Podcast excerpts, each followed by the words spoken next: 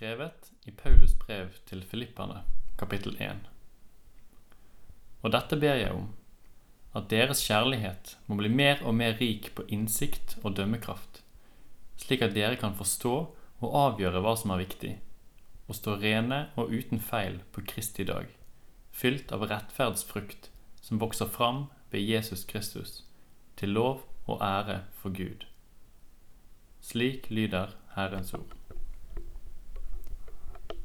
For et par år siden så fikk jeg og mine medstudenter en øvelse på studiet som jeg er sikker på at kommer til å følge med meg resten av livet, egentlig. Øvelsen den var egentlig ganske lett, men eh, også meget vanskelig. Han gikk ut på at på et ark så skulle vi skrive en liste med ti punkt. Og de ti punktene de skulle være det vi anså i det øyeblikket for å være de viktigste tingene i livene våre. Altså det vi verdsatt mest. Og så var det selvfølgelig en catch med den eh, øvelsen, for alle sånne pedagogiske øvelser har jo en catch, slik at man lærer noe. Eller setter i gang noen tankeprosesser. Og catchen her, det var at det som f.eks. sto på syvendeplass, det måtte du være villig til å ofre eller gi slipp på til fordel for det som sto på sjetteplass. Og sånn gikk du da opp gjennom listen, sånn at du til slutt skulle bare sitte igjen med det, den, det som var på førsteplass. Det var det. Hvis du ikke kunne ha noe av det andre, så var det det du ville ta vare på. Dere kan tenke dere at det er en eh, vanskelig øvelse. Det er jo bare å selv begynne å plassere ti ting på en liste som man skal kunne gi slipp på til fordel for en annen.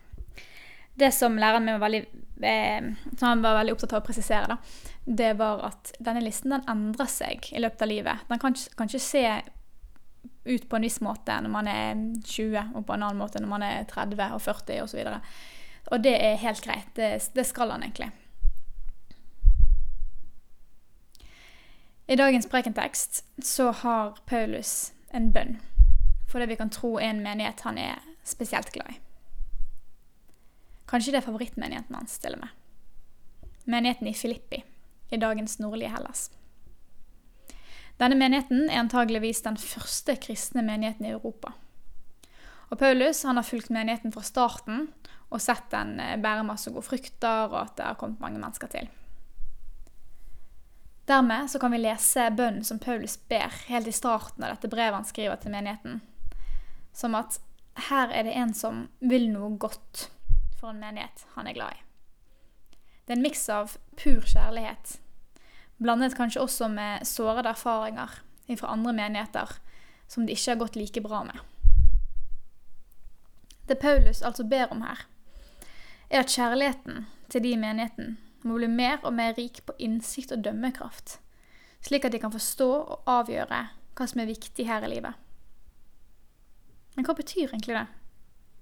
Hvordan vet man om ens kjærlighet er rik på innsikt og dømmekraft, sånn at han i det hele tatt er i stand til å avgjøre om noe er viktigere enn andre ting? Øvelsen som jeg gjorde på studiet, det var et forsøk. Et forsøk på å granske livet mitt og avgjøre hvilken ting jeg syns er viktigere enn andre. Sånn sett så synes jeg at det er en god øvelse, for den tvinger oss til å etterprøve om det vi fører opp som verdifullt i livene våre, faktisk er det vi bruker tid og krefter på. Det er nemlig slik at de tingene vi fokuserer på, pøser energien vår inn i, er det som ender opp med å bli viktig for oss. Jeg tror det er noe av dette Paulus mener når han snakker om at kjærligheten vår må bli rik på innsikt og dømmekraft.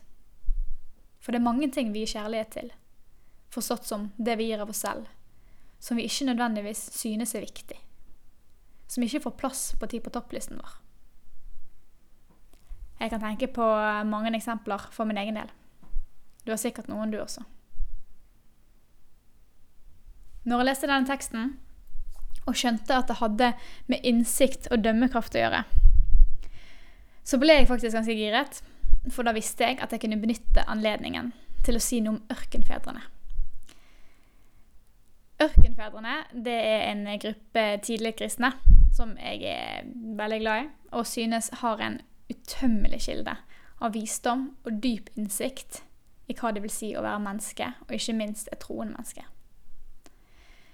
Denne gruppen av noen fedre, og også noen få mødre, faktisk, de levde sånn ca. på 300-tallet. Og hvordan det ble til at de ble kalt for ørkenfedrene, det var at ikke lenge etter at kristendommen faktisk hadde blitt statsreligion under eh, keiser Konstantin, så var det noen som tenkte at nå er det ikke lenger en fare å være kristen. Man blir ikke lenger forfulgt for å være kristen. Sånn, før så var jo det et slags Det var en, eh, en måte å vise ære på. Sant? Hengivenhet. Du var villig til å følge Jesus selv om du visste at du kunne dø for det. Og så tar de vekk det. Da, det, da var det noen, en gruppe folk som tenkte at nei, men nå må vi ta det på en måte til neste nivå. Dette er ikke lenger, Jeg føler ikke lenger at vi er nær, nærme Gud, nå som alle sammen har blitt. Alle har blitt kristne rundt oss, og det er egentlig ikke noe spesielt. Så de dro ut i ørkenen for å komme vekk fra all støyen og for å komme nærmere Gud. De erfaringene som de gjorde seg i ørkenen, det ble skrevet ned som korte visdomsord og anekdoter. Og de har preget teologer, psykologer og filosofer siden. For øvrig så sprang også klosterbevegelsen ut av ørkentradisjonen noen 200 år seinere. Så til poenget mitt med å nevne ørkenfedrene. Fordi ifølge ørkenfedrene så er en av de fremste dydene et menneske kan besitte, det å ha god dømmekraft. Eller å skille åndene, som de kaller det. Å skille åndene, det vil si å kunne se hva som er fra Gud, og hva som ikke er det. Og nå må jeg bare si først som sist. Jeg tror ikke det er slik at alt som ikke har med Gud å gjøre, rent eksplisitt, ikke er ifra Gud. Husk at når Jesus ble fristet i ørkenen, ørkenen så siterte både han og fristeren vers fra Bibelen. Gud er skaper av hele verden og har gitt oss ubegrensede muligheter til å utforske skaperverket og selv skape videre.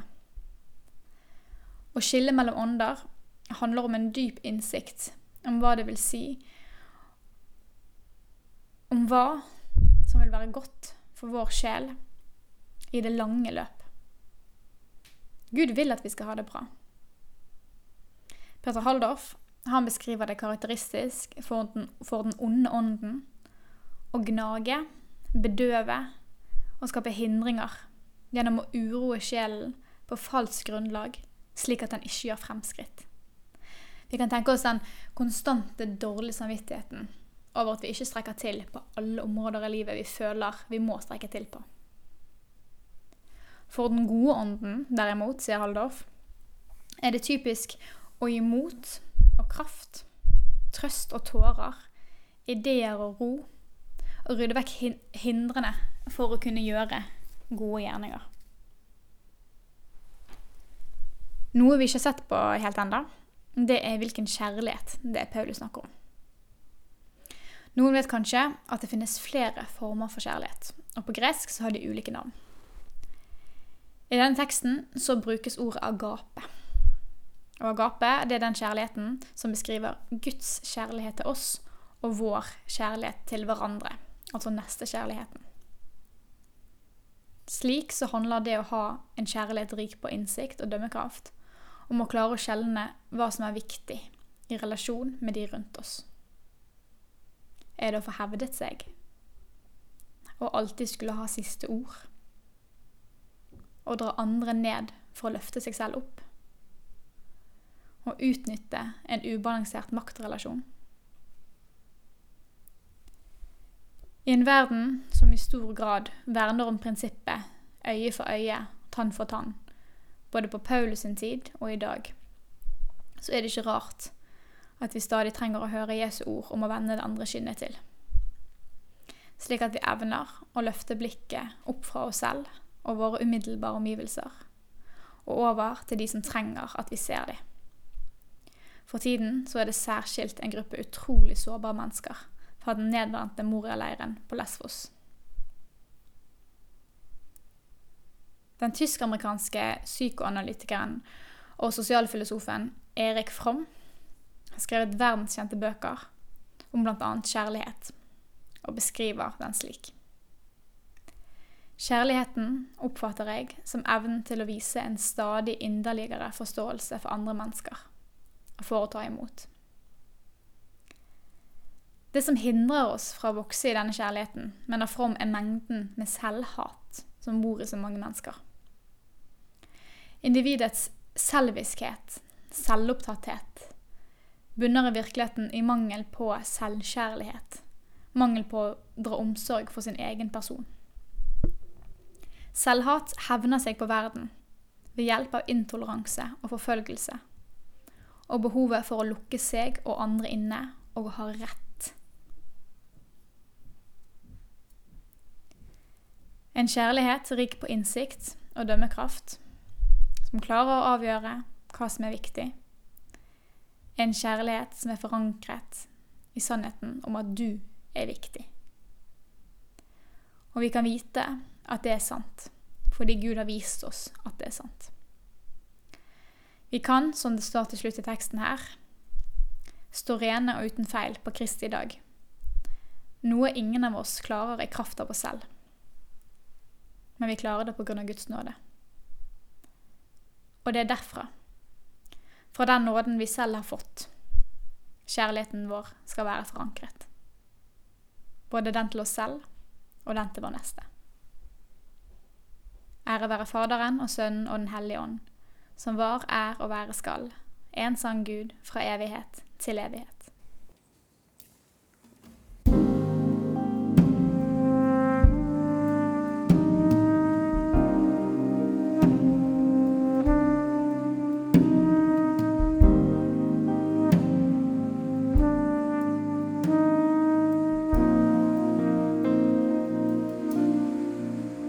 せは